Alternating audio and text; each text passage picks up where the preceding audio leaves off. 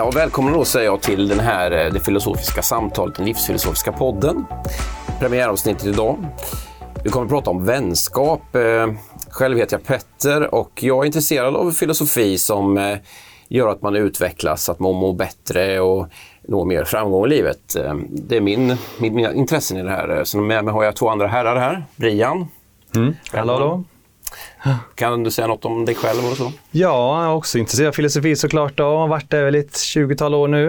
Eh, kom in på detta via att jag trodde att den fysiska träningen skulle lösa väldigt mycket och eh, det gjorde väl det fram till en viss punkt, men sen kände jag att det räcker inte bara med att ha sin tvättbräda och lite bröstmuskler utan man får lägga till andra kvaliteter. Så då började jag söka mycket efter det här med vad är det som faktiskt funkar och vad är det som är skillnaden på olika livsöden. Det blev jag väldigt fascinerad av. Hur kommer det sig att vissa verkar ha fantastiska liv och andra har det lite tuffare? Så då har jag sökt och hittat olika svar. Ja, Okej. Okay. Och med oss har vi också Todde som bevandrad inom filosofin. Vad ska jag berätta? Ja, du får säga något om dig själv, lite vad du har för intressen i filosofi. Ja, Okej okay då. Jag eh, tyckte ju livet var helt meningslöst så jag tänkte att det enda man kan göra är att roa sig. Så jag blev en sån här partymänniska som partade hela tiden och drack alkohol. Och sen eh, så fann jag mening med livet med, genom filosofin. Jag upptäckte att det går att förändra, höja livskvaliteten. Och, eh, Sen så med, med filosofin så har jag även då fått mer framgång i livet. Man har fått lite mening och blivit mer levande och aktiv. Och det är attraktivt för andra. Så fick jag en tjej också. ja. ja, kanon. Ja, vi kastar upp första frågan här. Eh, hur viktigt är vänskap, skulle ni säga? Jag kan börja med Brian här. Ja, alltså framförallt vänskapen till sig själv skulle jag vilja säga. Det var ju bara egen erfarenhet då, från det här liksom att sökt mycket bekräftelse från andra då, och försökt passa in och få typ vänskap inom situationstecken den vägen. Då. Som då en typ av lösning på att jag egentligen inte var så speciellt mycket vän med mig själv. Och, eh, det blev inte heller bra i slutändan där, för att jag blev så beroende av att få bekräftelse och så var jag dessutom konflikträdd. Så att eh, insikten har ju kommit över tid med att eh, det är nog banne mig upp till, till mig själv att stå upp för den jag egentligen är innerst inne. Då. Och då har det ju visat sig att då, eh, när jag vågar visa mer vem jag själv är, då har jag också liksom dragit till mig människor som gillar mig mer för den jag egentligen är och inte det som jag hade som typ fasad och allt det där. Va? Så jag tycker att vänskap är otroligt viktigt. Det, utan vänskap så är, har jag personligen svårt att hitta mening med liksom tillvaron. Då. Mm. Ja, och Todde då, vad säger du om eh, hur viktigt vänskap är och varför, ja, varför det är viktigt? och så? Det, det som jag en gång tänker på det är ett citat från Esaias Tegnér. Han skrev att eh, en man förutan vänner, om än så stark, dör hän som stam i öknen med skalad bark. Och eh, för mig är vänskap, det är liksom eh, utan vänskap så är livet totalt meningslöst. Och sen måste man skilja på olika sorters vänskap. Så sann vänskap, det som är att man egentligen har gemenskap och, och delar eh, idéer och mål och syften och sånt. Det är, det är det som är nyckeln till, till vänskap. Och utan sån sann vänskap så blir det, dör man hän som stam i öknen med skalad bark. ja, Ja, nej, men själv så tycker jag väl också det att äh, vänskap är väldigt vackert och det kan jag minnas äh, redan när jag var fem år och liksom fick någon, en kompis för första gången, hur, vilken lycka det var.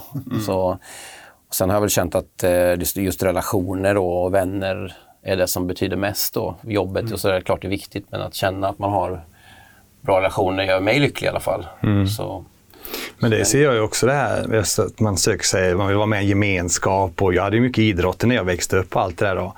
Eh, samtidigt också när jag blev äldre, runt 18-19, det här liksom, man skulle ut och festa och annat och vara med i olika då, grupper eller konstellationer. Men den var ju inte jättesann alla gånger, framförallt inte när man var ute och roade sig. Det byggde ju mycket på att man skulle festa och hade den överenskommelsen. Då. Men det här som jag har idag som jag uppskattar mycket, att bara över en kopp kaffe eller något sånt där sitta och diskutera livet och hur man kanske då kan skapa mer mening eller ja, känna sig lycklig, vad det nu är för någonting. utan att ha någonting annat, då, det är ju värt jättemycket alltså.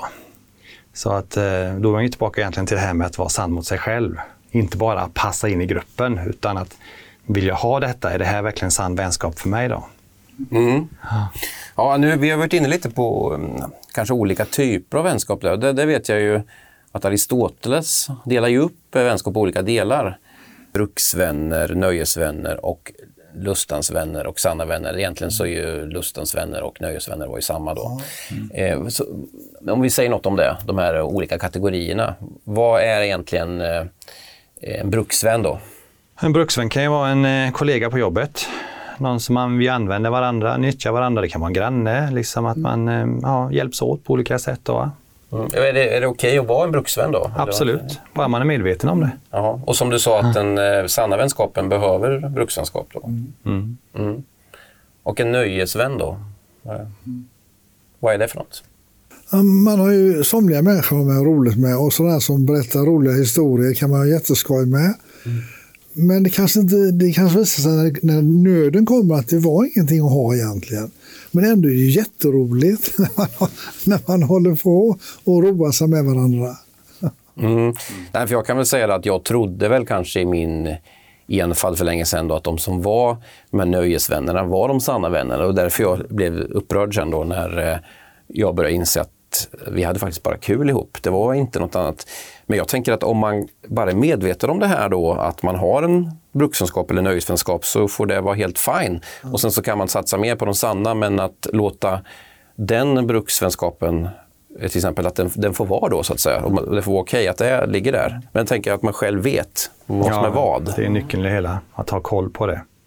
Och då är man faktiskt tillbaka till det med handlingarnas språk och läpparnas språk. Mm. Och titta liksom på eh, vad, vad gör liksom de vänner man har omkring en. Då, För att, eh, jag, jag, tänkte lite på det här när du sa med att man har så kul ihop där. Det är ju väldigt lätt att känna att de man har roligt ihop med, det är ju ens bästa vänner. För det känns ju så himla bra, eller hur? Vad man garvar och det är ju, livet leker ungefär. Då. Men sen, jag, menar, jag kan bara återigen gå till mig själv. Att när jag helt plötsligt känner att äh, nu, har, nu känns det inte hundra bra, jag behöver prata om vissa grejer. Då var det väldigt få som ville sitta och, och, bara över en kopp kaffe eller bara träffas, gå en promenad och prata om livet och lite djupare frågor. Mm. Och det var ju tungt initialt. Men ändå så behöver man vänskap. Man, man tar hellre den vänskapen än ingen vänskap. Och det är ungdomens och tonårens uh, stora svaghetsperiod man går igenom där. Och sen måste man börja förädla det och börja söka sig till vettig vänskap. Och det tycker jag, jag har lite grann gått igenom en sån resa. Där just den här ungdomar, där man, mycket alkohol och sånt här, det var, ju, det var inte bra. Men sann vänskap där man verkligen lär känna varandra som man är och, och, kan vara sig själv och de andra. Man respekterar de andra för att de är annorlunda och sig själva. Det, det, det, det är det det handlar om jag trodde verkligen att det var mina sanna vänner. Eh, och, och, det fanns ju en annan som var en riktigt bra vän också. Men många var ju mer de här ja, festakompisarna som man hade, alltså nöjesvänner då, som man hade lite roligt ihop med då. Men eh, det här liksom att få, som Todde pekar på, att få vara sig själv och säga vad jag tycker och tänker och visa vad jag känner och allt detta. Det, det lyste verkligen med sin frånvaro. Så det är någonting, det är ett arbete skulle jag vilja säga, att skapa sann vänskap. Och då börjar jag återigen med att vara sann mot sig själv. Det är min stora grej där. Mm. Ja, för jag, jag, tänker också så här att eh, ibland så om man ska vara en vän så kanske man måste vara lite tuff också. Mm.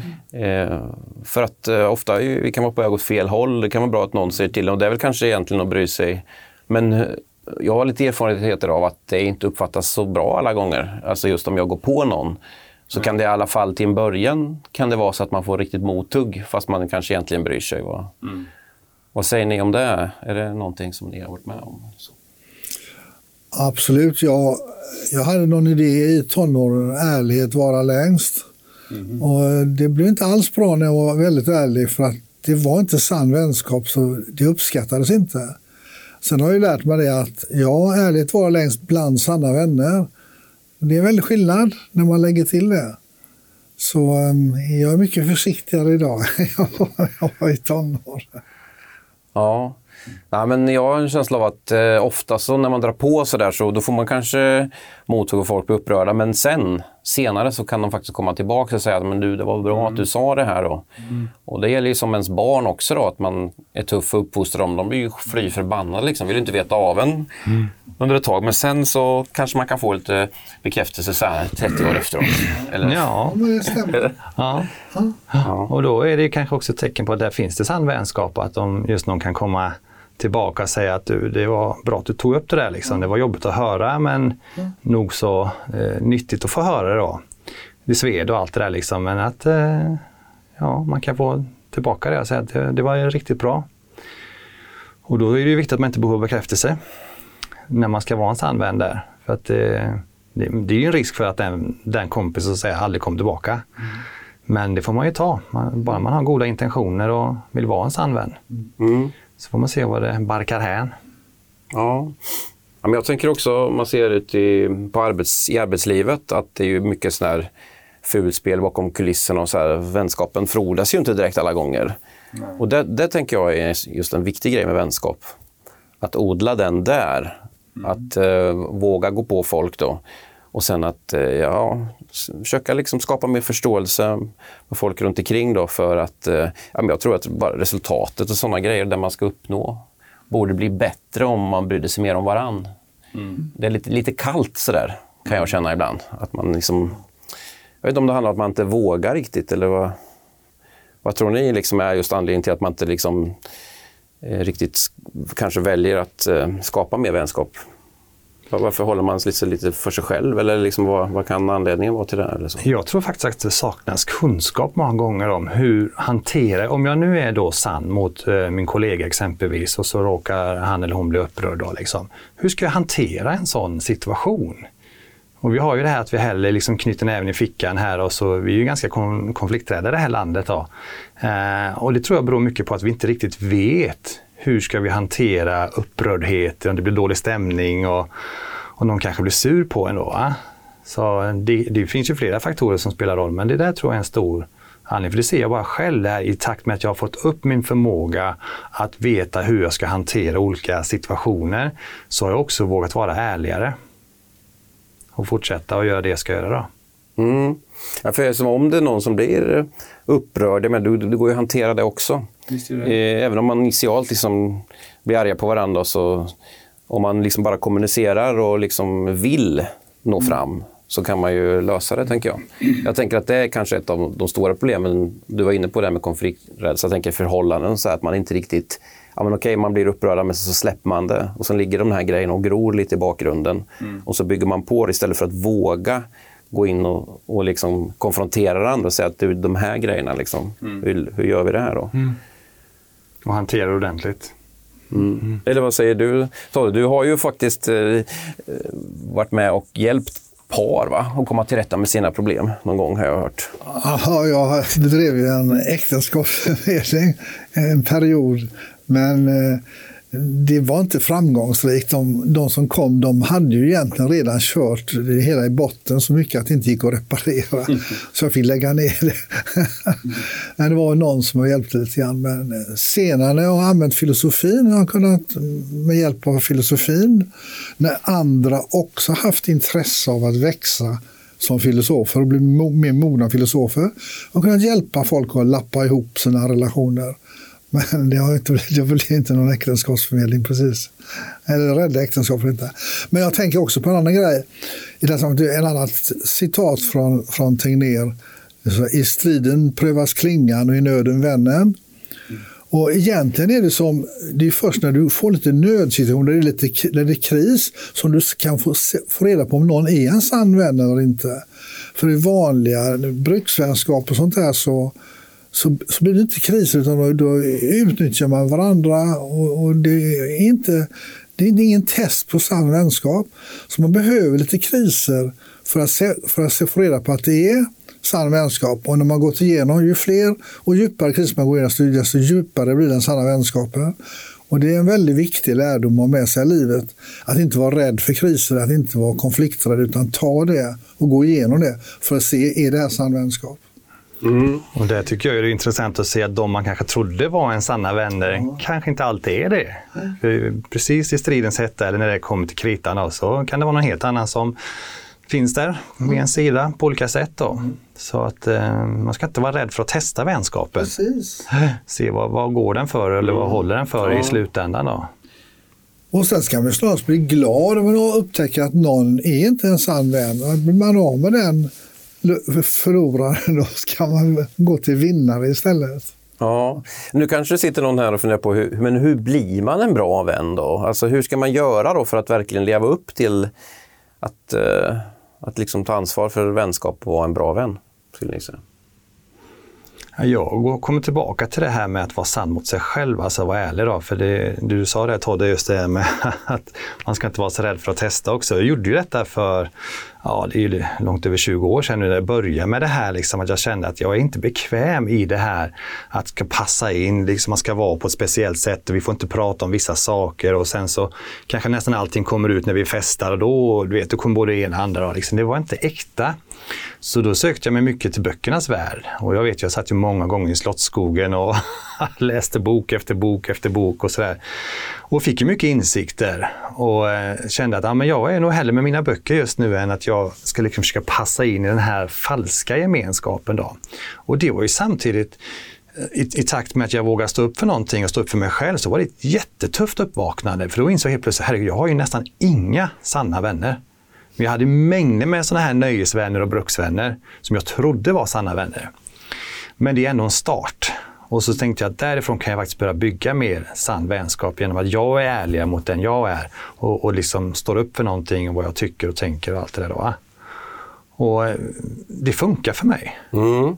För... Och vad är det konkret då som du, som du gjorde sen när du hade kommit till insikt om dig själv? så att säga? Vad, vad, vad, gjorde du sen för att bygga vänskap? Rent, Jag kan ju säga en, en väldigt god vän till mig som fortfarande är min absolut bästa vänner. Han eh, tog ett eh, riktigt samtal med eh, även då i Slottsskogen, tog upp grejer liksom där jag upplevde att han pratade väldigt mycket om sig själv. Det var mycket fokus på honom och hans problem. Och jag kände att eh, ja, men jag har ju också behov av att få prata om mina problem eller vad jag tänker och tycker och sådär.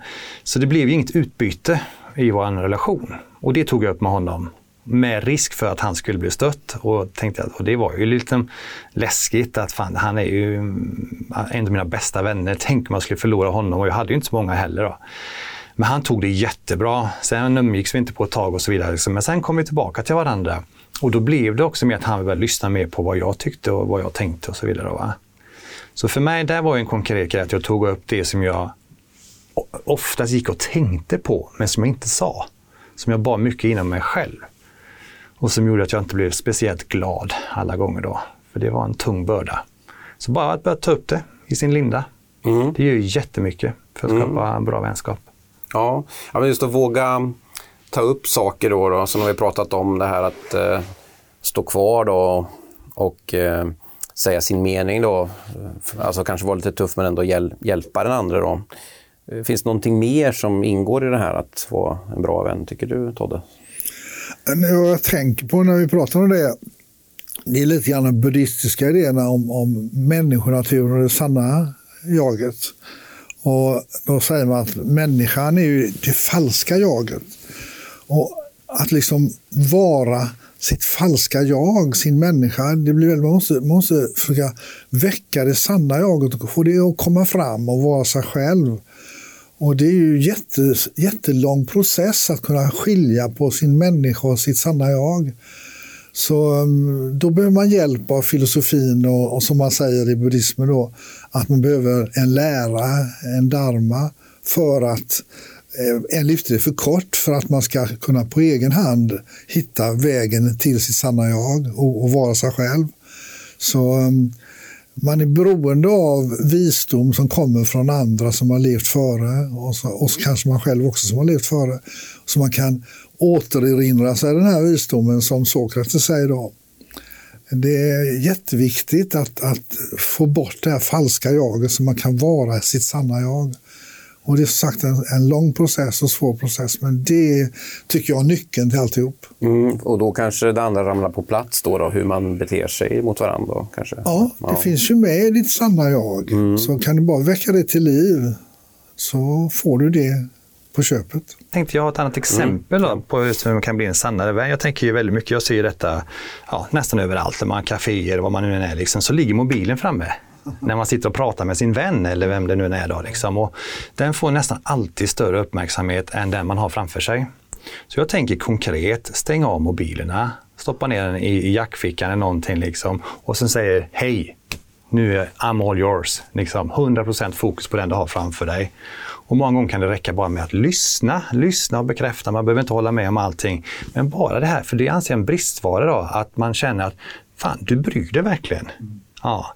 Så inga mobiler framme, bort med dem och kanske till och med göra en överenskommelse om det. Du, är det okej okay att vi stänger av mobilerna för en stund och så kan vi bara ägna oss åt ett vettigt samtal där allt fokus ligger på varandra. Då. Där får ju jag ett jätteproblem så jag alltid har min bil avstängd så jag får sätta på den istället. ja, ja, det är olika livsfilosofiska problem som man brottas ja. med på den här planeten. ja, vi har ju lite olika generationer där. Eh. ja. För du har ju inte växt upp med mobiler som vi har gjort, eh, jag och Brian. Hur vet du det? Jag vet detta, för det fanns inte, det fanns tegelstenar och din ser ut som en tegelsten. Ja, just det. Ja, nej, men jag har förstått att du, du har inte telefonen på uh, mer än när du verkligen behöver ringa någon. Va? Det går inte att nå dig, är det så? Eller om ja. jag väntar på ett samtal från någon. Mm. Mm. Ja, precis. Men jag vill fortsätta lite ja. där, för jag tänker det är ganska enkelt egentligen om man är medveten om det här med, om vi tar mobilerna igen då, att att återigen, man kan säga att vi stänger av den och så vidare. Då, för att vad jag tänker är att eh, mitt i ett samtal, helt plötsligt om det ringer eller plingar till, så åker det bara reflexmässigt upp och så börjar man svara. Eller ska liksom svara på sms eller vad det nu är för någonting. Då. Och jag tycker ju personligen att det blir väldigt mycket bristande respekt gentemot den man har framför sig.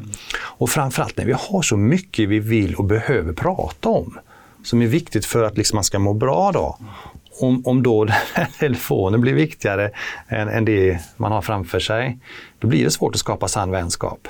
Så jag tror det skulle göra jättemycket om fler människor kom överens om det att du, vi kan stänga av den en stund, det är okej. Okay. Vi kan gärna alltid sätta på mobilen sen. Men för nu så är det fokus på varandra. Mm. Ja, för jag tänker, var det stor skillnad förr då när inte mobilerna fanns? Var det, var det mer vänskap då, skulle ni säga? Eller vad, vad tror ni? Ja, det är en bra fråga. Det, det måste det ju inte vara. Men jag ser att, att mobilen har blivit en, ett störningsmoment på många sätt. Eller en väldigt sån, eh, kan man säga, lätt väg ut ur eh, samtalet. Och så blir det som händer i den världen, den digitala världen, viktigare än den man har framför sig. Men jag vet inte, kanske Todde har någon annan erfarenhet från hur, hur du växte upp? För mig blir det ju så att, att um mobilen och, och internet har gjort att man får fler ytliga vänner. Ja, Men eh, eftersom det är som brist att hitta sanna vänner mm. så är det mindre chans att odla sann vänskap när man har så mycket ytliga vänner som man ska hålla på och köta med hela tiden. Ja, precis. Så jag känner att, att det blir en kvalitetsbrist med det här ytliga. Och samtidigt så ser vi också vad starkt det här är att, att man får en bekräftelse på någonting. Mm. Jag ser ju, det är viktigare med de likes man får på kanske då sociala medier, Facebook eller vad det nu är för någonting, än att faktiskt skapa en, en riktig relation ibland med den man har framför sig. Och hellre ha kanske en, två, tre, fyra riktigt sanna vänner än ha 500 på, på, på nätet. Som man ändå inte vet att när det just kommer till kritan, är du en sann vän då eller inte? Mm. Mm. Ja, samtidigt som det kanske kan ge vissa möjligheter, om man ska säga något Absolut. positivt, att uh, träffa ny, nya människor då, som kanske har lite gemensamma intressen och sådär.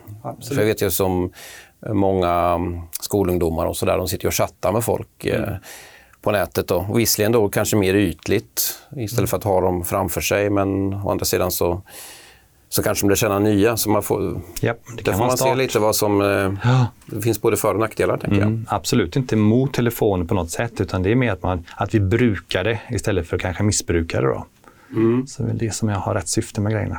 Då ska vi um, gå vidare här. Då. Jag tänkte jag skulle, jag skulle säga något också om det här med vänner då, som jag själv har upplevt. Och jag vet ju, det här var för ganska länge sedan då innan jag var så jätteintresserad av filosofi också, så hade jag rätt mycket olika vänner.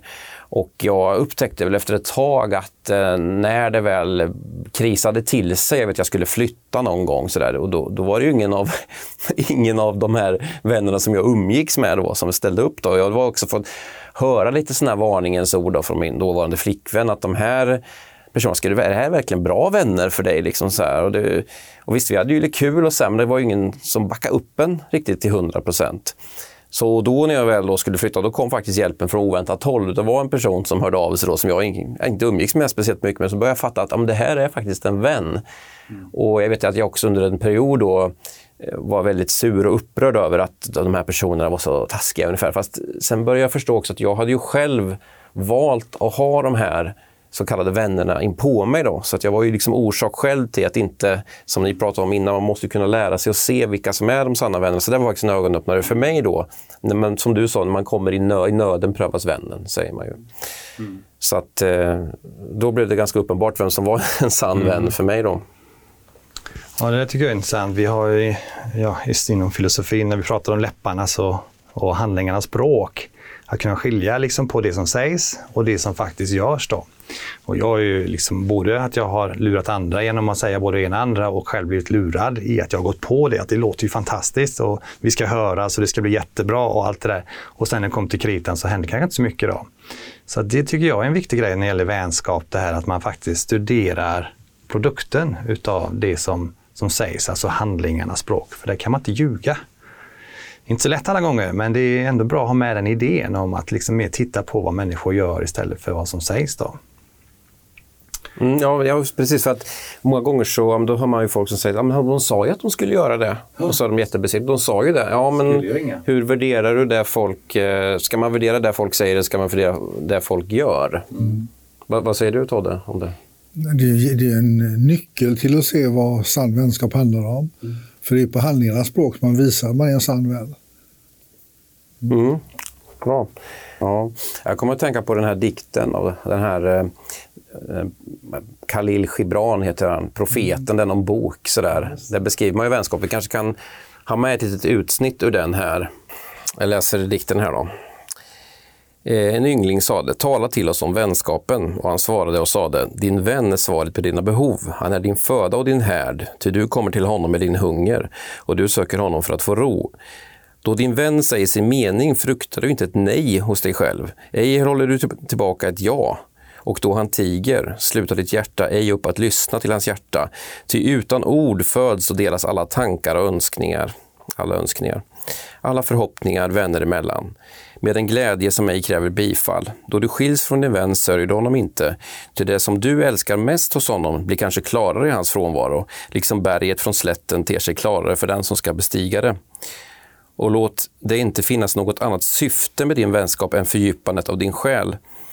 Ty kärlek som söker något annat än att avtäcka sitt eget mysterium är inte kärlek utan ett utkastat nät. Gagnlös blir då fångsten. Och låt din vän få det bästa du har. Om han måste känna din själs lågvatten, låt honom då också känna dig då floden kommer. Ty vad är det för en vän som du uppsöker blott för att fördriva några timmar? Sök honom alltid i stunder då du verkligen lever, ty han ska fylla dina behov, men inte din tomhet. Låt det vara skratt och delad glädje i vänskapens ljuvhet, ty i daggen av de små tingen finner hjärtat sin morgon och väcks till nytt liv. Mm. Ja, var väl vackra ord. Mm. Ja. Vad säger ni om det? Nej, jag, jag fastnar för det här med behoven, att fylla behov. Och det kan vara olika, men att liksom se vad är det du egentligen behöver för att känna att jag är din sanna vän. Eh, så att, eh, och det tror jag kommer mycket genom att lyssna ordentligt. Och kanske också se bakom det första som kommer. Första man säger och gör och så verkligen se men vad har du egentligen för behov och vem är du och vad vill du och vad är viktigt. Då, va? Mm. Var det något du tänkte på? Ja, jag var inte så förtjust i den där För mig var det lite grann det dunkelt sagda, det dunkelt tänkta. Det ja. var lite mystifiering av vänskapen. Jag gillar inte det. Ja, jag fastnar lite för det här eh, att man ska känna Låt din vän få känna din själs lågvatten, för det betyder ju att han handlar om att visa sig, tänker jag. Mm. Jag tror att det skulle kunna vara en brist. Alltså att vi inte riktigt vill visa oss. För att jag tror att om vi ska få några vänner och nå vänner så måste vi också våga bjuda på oss själva, tänker jag. Alltså man, man får berätta om sig själv och, och liksom bjuda på de bitarna. För annars blir det att du döljer dig, tänker jag. Ja, jag tycker du sa det mycket bättre än vad dikten gjorde. Det tycker jag med. Du, ja. du gick jag igång med en gång. så att eh, det här just med att, och det ser jag ju av egen erfarenhet, när jag har berättat mycket om mina egna kanske problem mm. eller vad jag har varit med om och så här, liksom, Då visar det sig nästan alltid att andra känner igen sig. Det där har jag också varit med om eller känt eller jag har det problemet just nu.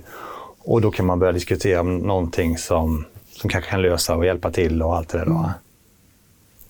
Så mm. jag håller med Todde, ja. du sa det bättre själv. Ja, men vad säger du just om att våga visa sig då, när det gäller vänskap? Och... Ja, det är ju liksom A och O att, att våga visa sig. Det annars blir, kan det aldrig bli någon sann vänskap. Ja, jag tänker på en sak som kan vara lite jobbigt sådär om man har någon gammal vän och sen så upplever man att de inte hör av sig längre. Till exempel. Jag tror kanske fler som känner igen sig där. De tycker att de har relationer men det här, de hör aldrig av sig. Och jag hör folk som säger det här också. Mm. Vad, vad, ska man göra då om man upplever det här? Vad, vad, vad är det för, finns det för recept? Ja, alltså jag tycker man ska ta upp det.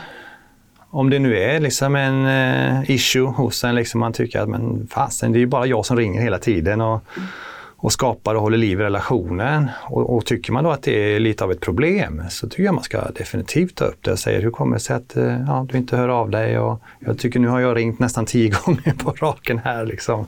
Så får man se vad andra säger. Mm, så det, det, det handlar om att liksom våga gå på lite då? Säger du? Eller? Ja, och just om man tycker att det är ett problem. Det finns ju de som säger jag kan ringa varenda gång, det spelar ingen roll. Det är viktigt att vi får träffas och umgås och allt det där. Då, då, då spelar det ingen roll. Men om man nu har uppmärksamhet på att tycka att nej, det här känns inte riktigt bra, då tycker jag man ska ta upp det. Mm. Mm. För, för är vänskap egentligen beroende av att man ses och hörs ofta? Skulle ni säga, är det viktigt? Mm. Nej, det är det. det. Den sanna vänskapen existerar bortanför tid och rum. Så den kan landa i, tid, i tiden och rummet, men den är evig. Ja, mm. och det tycker jag man ser både för mig själv egen erfarenhet, men jag vet jag pratar jättemycket människor om det här. Liksom, att det kan ju gå kanske 5-10 år mellan att man har träffats. Men när man väl springer på varandra så är det som men det var ju som igår. Mm. Så man ser att där står ju tiden still på något plan. För att, som du säger att vänskapen ligger ju på ett, ett annat plan då. Och den är tidlös. Och har inte heller med avstånd att göra. Man kan ju bo på olika sidor av planeten och ändå vara fantastiska vänner. Och den sanna vänskapen behöver landa i bruks eller nöjesvänskap för den behöver det för att kunna frodas. Så annars så existerar den bara bortom tid och rum. Så för att få den att landa måste det finnas någon bruks eller nöjesvänskap för den att landa i. Mm. Jag känner det där med att man hör av sig och sånt där. Jag hade en vän som eh, hade en relation med hennes vän. Den här vännen hon hade hörde egentligen aldrig av sig till henne. Det var alltid hon som fick kontakta vännen. Och hon klagade på detta i, i decennier. Och sen så, när hon slutade och så kontaktade henne, ja, då försvann alltihop.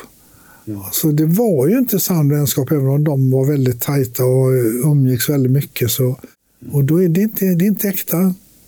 Mm. Och hur, hur skulle ni eh, beskriva en, en riktigt sann vän då? Ja, det är väl någon som kan ha liksom ens både positiva egenskaper och även de som är mindre charmerande.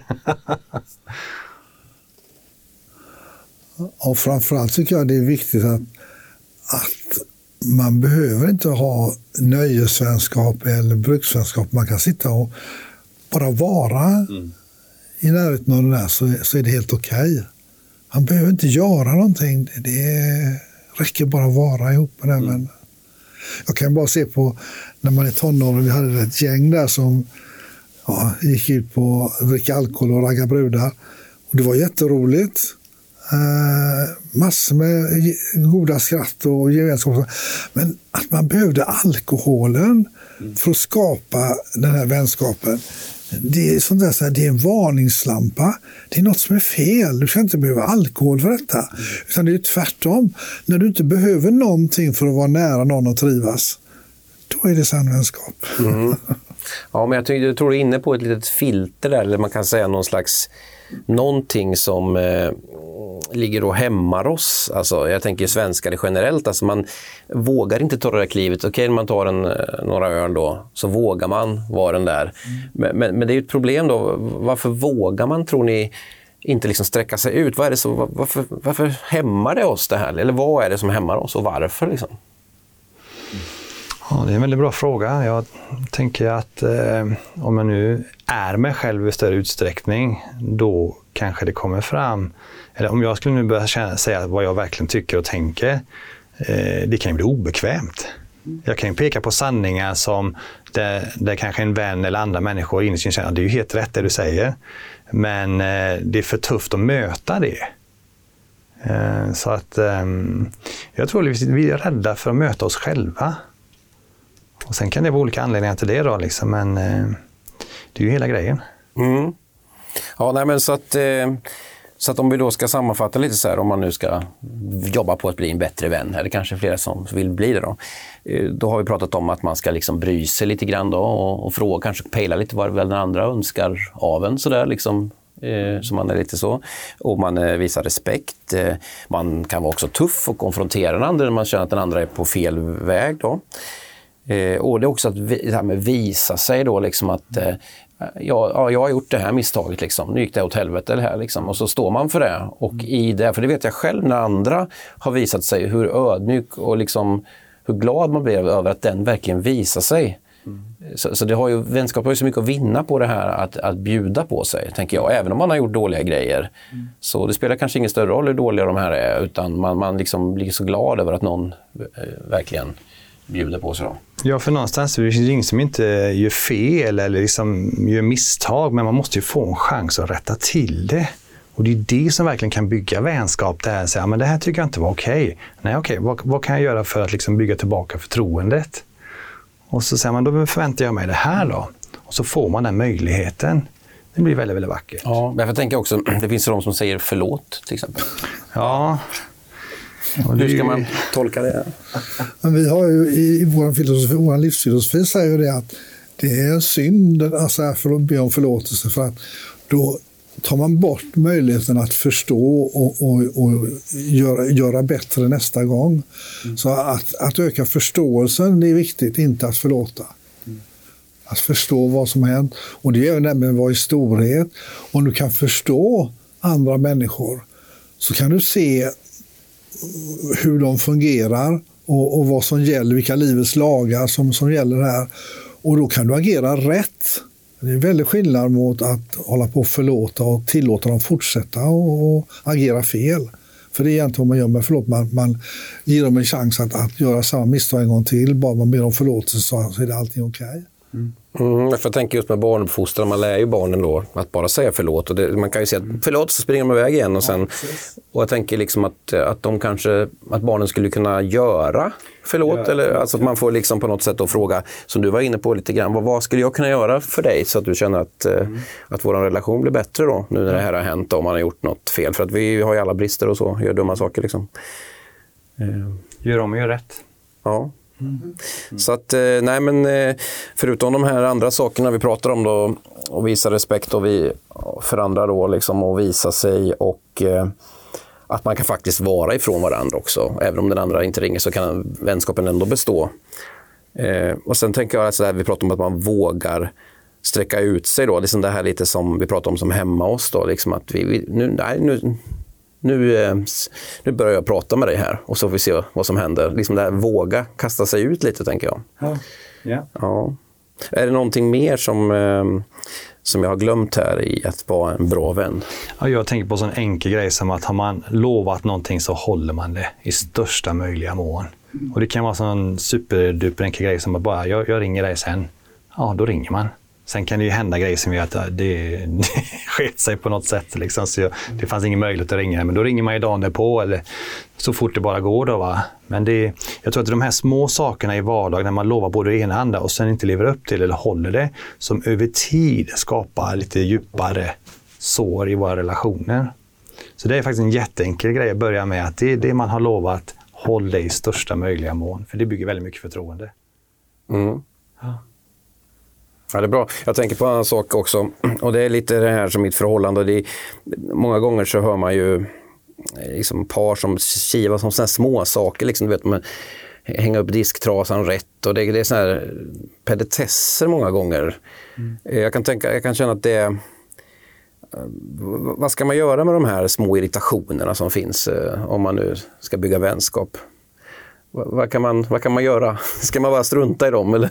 Det, ja ja, det beror på vad det är för någonting, men eh, många gånger när man kanske fastnar i små, som du säger, petitesser så är det ju för att slippa och ta itu med lite meningsfullare saker och lite större problem. Så att, eh, men det är ju inte så lätt alla gånger när, när, när men kanske då i ett, en parrelation man sitter i och inte ens är medveten om att det där tjafset hela tiden, där vi inte kommer vidare någonstans utan bara liksom det tär på relationen, är i sin tur bara en sån så quick fix-lösning på att göra någonting som är mer vettigt och meningsfullt. Så det kan man behöva hjälp. Mm. Nej, för, för då kanske det är bättre att eh, när det här tjafset började ställa sig den frågan då, då vad, vad är det som egentligen ligger bakom de här grejerna, de stora grejerna. Yes. Och kanske ta upp dem vid något tillfällen man inte upprör då. Mm. Och om man kan lösa dem, då kanske man kan få det här eh, tjafset att upphöra då. Mm. Eller vad säger äktenskapsrådgivaren? Nej, men när det gäller just de här grejerna, det är ju den här buddhistiska idén om, om det falska jaget. Det är falska jaget som, som sin, människosinnet, det har ju förmågan att hitta någonting som, som är felaktigt, som hotar överlevandet. Och då biter det sig fast i det. Så att man kan, man kan ställa sig över människosinnet och inte få det att styra och ställa i ens liv. Då har man hittat en nyckel för att komma ifrån allt det där tjafset. Men det är ingen lätt uppgift att ta itu med det. Men jag tänkte på det du sa om att uh, man ska hålla vad man lovar. Vi har ju den här en sann väns kod som vi kallar för hederskoden. Och där ingår ju den och många andra grejer och där står ju mycket av vad som, ska, vad som krävs för att man ska vara en sann vän. Så varför inte läsa upp den i, i den här i den här podden. Ja. Vi tittar här på en buddhistisk sannvänskod. Här. Vi tittar på några av de här. Eh, vi har varit inne på det, håll dina löften. Mm. Viktigt. Eh, och sen att man inte ska avbryta ett sant vänskapsförhållande. Just det här, det är kanske är det som folk eh, tycker är jobbigt om den andra slutar höra av sig och sånt. Då. Mm. Att man upplever att vänskapen är bruten. Fast mm. det konstaterar att det kanske nödvändigtvis inte behöver vara då. Och man får inte lov att låta en upprördhet vara en orsak till att avbryta sant vänskapsförhållande. Man måste ta sig igenom det. Det där med i nöden prövas vän. Mm, precis. Alltså, Precis, att man, eh, det blir lite easy way out där då, liksom att man kastar in handduken och säger att ah, men du hörde inte av dig. Men att upprördheten står över upprördheter. Precis. Det kan vara ett recept då. Mm. Här står det också ångra aldrig gårdagen. Det låter ju buddhistiskt. Mm. Det som är gjort går inte att göra ogjort. Och tänker, jag tänker på framförallt om man har eh, svikit en vän då kanske. Mm. Att, eh, istället för att älta då, vad gjorde jag? Mm. Istället vara orsak då, ta upp det då, tänker jag. Och att man skapar morgondagen. Mm. Precis, så att hur jävligt det än är så borde det ju alltid finnas en utväg. Mm. Ja, och sen det här också att ta upp det med den vännen då. Liksom. Och säga, vad gjorde jag för fel? Vad kan jag göra för att rätta till misstaget? Mm. Och så står man kvar i det då. Mm. Sen vet man ju inte hur den vännen kommer att reagera. Den kan ju säga, men jag tyckte inte det här var okej. Okay. Och sen får man en chans igen då att rätta till det här misstaget. Eller så kan det vara som du pekar på det, att man, man har det som en anledning. Nu har jag blivit upprörd här så nu vill jag inte höra av mig längre och sen så blåser man all världens väg. Då, va? Mm. Så att eh, mycket vunnet på det här att eh, stå kvar och så titta på vad kan jag göra bättre istället. Bygga mm. tillbaka förtroendet. Men det med kris och möjligheter. Om man tar vara på upprördheten och tar sig igenom den, mm. då har man omvandlat krisen till en möjlighet att bygga vidare. Ja. Mm. Och här har vi det som du pratar mycket om Brian, lär känna dig själv eh, och frigör dig från okunnighet. Mm. Att det liksom börjar med en själv. Om jag vet hur jag själv reagerar i olika situationer och jag förstår eh, eh mina brister och, och så, då skulle jag kunna bättre nå ut till andra. Ja, det är så himla lätt att vilja ändra på alla andra och se att om du bara blir lyssnar mer på mig eller blir eh, snällare på något sätt liksom, så, så kommer jag må bra. Liksom. Men jag tänker att i slutändan så är det banne mig upp till en själv alltså, och börja titta liksom, på vad kan jag göra för att stå mer upp för den jag egentligen är. Då? För du kan ju inte ändra på någon annan, men man kan ju jobba med sig själv. Mm. Jag tänker också på att vänskap handlar väldigt mycket om eh, förståelse. Mm. Alltså att man förstår varandra fullt ut. Och då tänker jag att även om man har olika åsikter, för det är ju väldigt, eh, samhället är väldigt polariserat idag. Mm. Och att man på något sätt, att vänskapen skulle kunna stå över det då. Att man kan vara överens och att man, att man inte är överens. Eller mm. vad, vad, säger ni? Absolut. Ja. Så vänskapen blir viktigare. Ja. Och sen också det med att lära känna sig själv. Det var ju ideal i den grekiska filosofin. Mm. stod i oraklet i Delphi, Know thyself. Um, det är även ett buddhistiskt ideal att lära känna sitt sanna jag och skilja på det falska jaget och det sanna jaget. Och det är ju det att lära känna sig själv handlar om. Det handlar inte om att, att förstå sin människonatur, utan det handlar om att förstå sitt sanna jag. Och det har ju alla då egentligen, ja. ett sant jag då. Ja. Man kan få kontakt med. Och det kan vara jättesvårt att få kontakt med det. Mm. Hos många så sover det djupt. Mm. De, är, de är bara människan. Mm. Ja, Eh, och här fortsätter det då att sträva efter att befria ditt sinne från felkänslor och feltankar, står det här. Och det mm. handlar väl om det då, just att, ja. att, att, att, gå in och, och eh, se de här bristerna i den här människonatursdelen då. Mm. Eh, här står det också, lär känna dina vänner som de är och försök aldrig att tvinga dem att vara annorlunda än de är. Mm. Och där har vi lite det där just att man, man kan vara överens om att man inte är överens. Vi kan ha olika åsikter men vi kan ändå ha vänskap. Mm. Absolut. Ja, det är viktigt att liksom sätta sig över det där rätt och felspelet. Mm. Som där det viktigaste blir liksom att jag måste få rätt och den andra måste få fel, för det blir inget utbyte i det. Utan då blir det ju mycket fixa idéer som kör och det blir ingen vänskap alls. Men det är lättare sagt än gjort. Så det beror ju på vad man diskuterar man politik exempelvis. Liksom, så det är lätt att det blir mycket känslor och måste jag få rätt i min politiska åsikt. Då, va? Jag tror vi skulle tjäna jättemycket på det, eller vinna mycket på det, att sätta oss ner och diskutera med även de som vi vet inte har samma mm. åsikt som vi själva har. För att få bort det här svartvita, att det blir så fixerat, men det är bara så här det är. Det finns ju en gråskala däremellan. Det är lite grann det som Voltaire sa, att jag gillar inte din åsikt, men jag ville gå i döden för din rätt att föra fram Ja, det är fantastiskt vackert. Är det. Det, är... ja, det är vänskap. Ja, det är vänskap. Det är, det är sann vänskap. Mm. Ja. Mm. ja, det är helt underbart. Ja, och där tror jag vi hittar en bra punkt. Så att vi ja. sätter, sätter punkt där. Okay. Tack för att ni kom. Ja. Tack för att ni lyssnade.